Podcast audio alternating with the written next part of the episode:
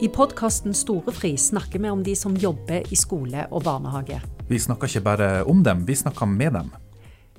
Denne episoden av Storefri skal handle om noe som alle lærere og barnehagelærere har vært igjennom, og det er å si farvel til elever og til seksåringer.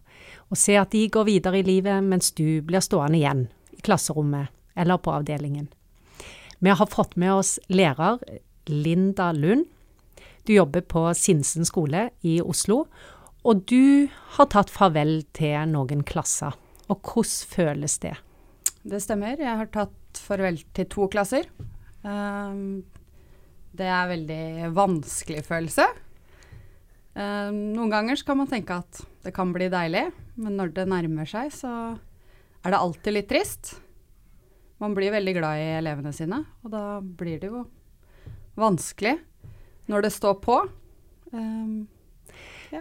Så den eh, ene klassen, hvor lenge hadde du hatt de?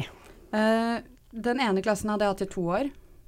Og den andre klassen hadde jeg bare hatt i ett år. Da var jeg helt nyutdanna. Mm. Ja, fortell om den. Hvordan var den eh, avslutningen etter ett år? En kan jo tenke at det skal gå greit. Ja, uh, det trodde jeg òg når jeg begynte, at det kom til å gå veldig fint. men det var noe rart med at de var de første. Og så var jeg veldig ung, uh, så da ble det kanskje enda litt vanskeligere. Um, jeg er en person som, med mye følelser, og da viser jeg de følelsene. Jeg hadde en gjeng som viste mye følelser. Så Hvor gamle var de?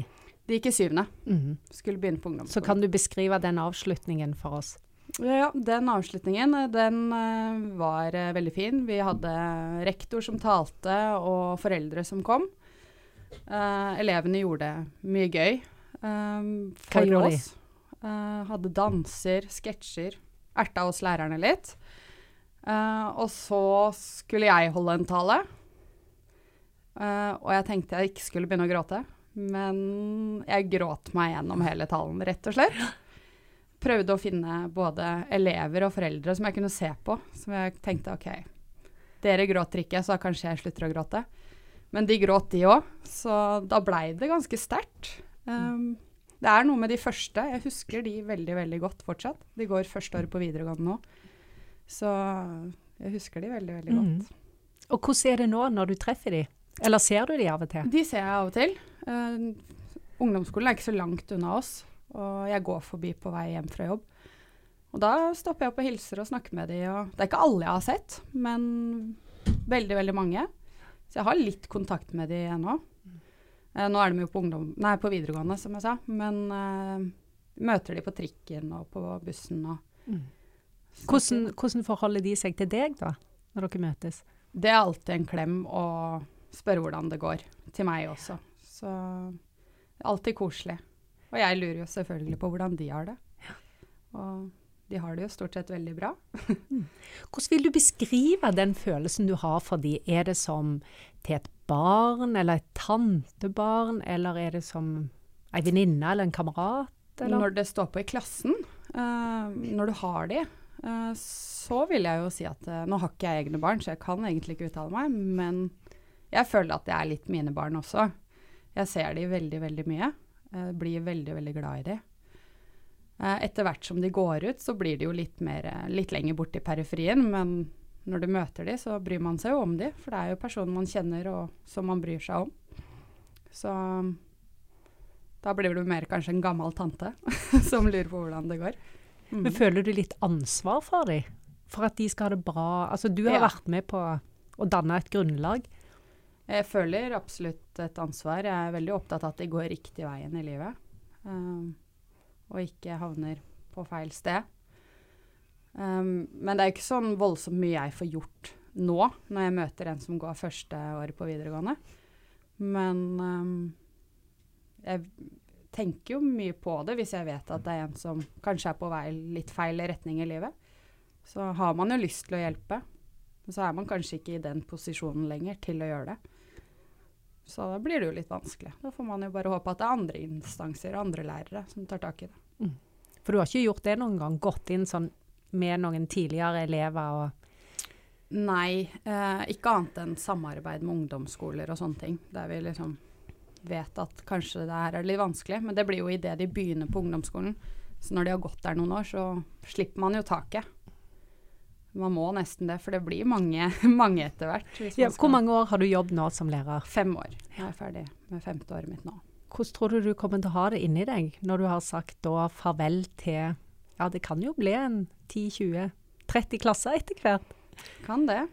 Nei, eh, det jeg tenker er jo De klassene jeg har sagt farvel til, er jo Tenker ikke på de hver dag nå. Eh, Det, var, det er hardt når det står på, men så heldigvis går vi ut i sommerferie. Det er to måneder. Og så får du nytt kull, og da har du så mye å tenke på at da går det jo litt over. Så det er ikke noe du går og tenker på daglig. Men uh, man tenker jo på det innimellom. Lurer på hvordan de har det. Så det blir nok vanskelig med den gjengen jeg har, nå, fordi at de går, har jeg hatt siden fjerde, eller skal følge de ut, da. Og jeg er jo veldig, veldig glad i de, så bare jeg tenker på det nå, så gruer jeg meg allerede, og det er to år til. så, så jeg vil jo ikke forlate, at de skal forlate meg, eh, eller at jeg skal forlate dem. Kan jo bli med de da, til ungdomsskolen. Ja, vi tuller litt med det det, det er ikke så lange veien. Jeg har jo første til tiende klasse utdanning, så jeg kan jo gjøre det. Men de har godt av noen nye, de også. Absolutt. Akkurat ja. Hvordan tenker du i forhold til å ha kontakt med elever seinere, sånn på Facebook, eller sende tekstmeldinger, eller Ville det være naturlig? Ikke for meg. Eh, jeg har eh, mange venneforespørsler på Facebook, eh, men jeg svarer ikke på de. Jeg tenker der har jeg mitt privatliv. Sånn er jeg. Eh, men hvis de sender meg en melding, uh, f.eks. jeg opplevde at de sender meg en melding på Facebook eller på Instagram og lignende, da svarer jeg alltid. Men de trenger ikke å være vennen min på Facebook, på en måte. Men jeg svarer de og hører hvordan det går. Ja. Og flere sender meg også mail, har gjort. Og lurer på åssen det går med meg, om jeg jobber på Sinsen fortsatt. Og gjerne for å fortelle noe om sitt liv. Så det er veldig hyggelig, det. Og er de da eh, private, eh, personlige, når de sender mail til deg? Det er ikke sånn 'kan du sende meg vitnemålet mitt', eller? Nei, det går jo på hvordan jeg har det, hvordan de har det. Går alt bra? Og sånne ting. Så aldri noe skolerelatert, hvis de gjør det. Uh, men det er jo mest det første året når de går i åttende, siden jeg har de Da tar de kontakt Det er da igjen. de tar mest kontakt. Så hyggelig, da. Og så kommer de innom, selvfølgelig. De har vært flinke til å komme innom på skolen. Og så dabber det av. Ja. Vet du hvorfor de gjør det? Hvorfor de tar kontakt med deg og kommer innom? Og Jeg tenker at det liksom Viser at de var glad i skolen sin, og var, likte meg kanskje som lærer, da. Siden de har lyst til å si hei til meg igjen. Um, så jeg vil jo tro det er derfor, egentlig. da er jo det veldig hyggelig. Det er kjempehyggelig. Det er veldig, veldig, veldig koselig når de gjør det. Vil du si at det å ta farvel med en klasse er en styrke ved læreryrket, eller er det en av de kjipe tinga? veldig delt.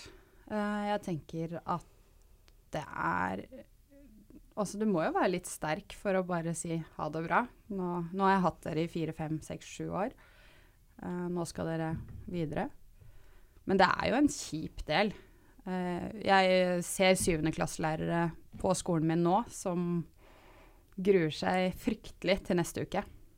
For de har hatt eh, siden tredje klasse, og det blir vanskelig. For neste uke, da er det avslutning. Da er det avslutning. Og den kjenner jeg meg så godt igjen av. I, for det siste skoledag når jeg har hatt mine utgangselever, så har jeg stort sett starta med å gråte på kontoret, for jeg har gått inn til de. Og så har vi fortsatt. Du får være en støtte for de som trenger det i år, da. Det må, må være det. Så, men jeg tenker jo det er positivt også, å lære unger og barn at vi kan vise følelser. Det er ikke noe galt i å gråte. Jeg gråter ikke fordi jeg er kjempelei meg, det er fordi jeg gruer meg for at jeg ikke skal se dere hver dag. Og fordi jeg er glad i dere. Ikke fordi Ikke fordi at Ja, at det er noe fælt nødvendigvis, da. Men at de også gråter litt og sånn, og det er helt greit. Det syns jeg er viktig. Takk skal du ha for den historien. Det er sikkert mange som kjenner seg igjen i dette her. Takk. Jo, takk.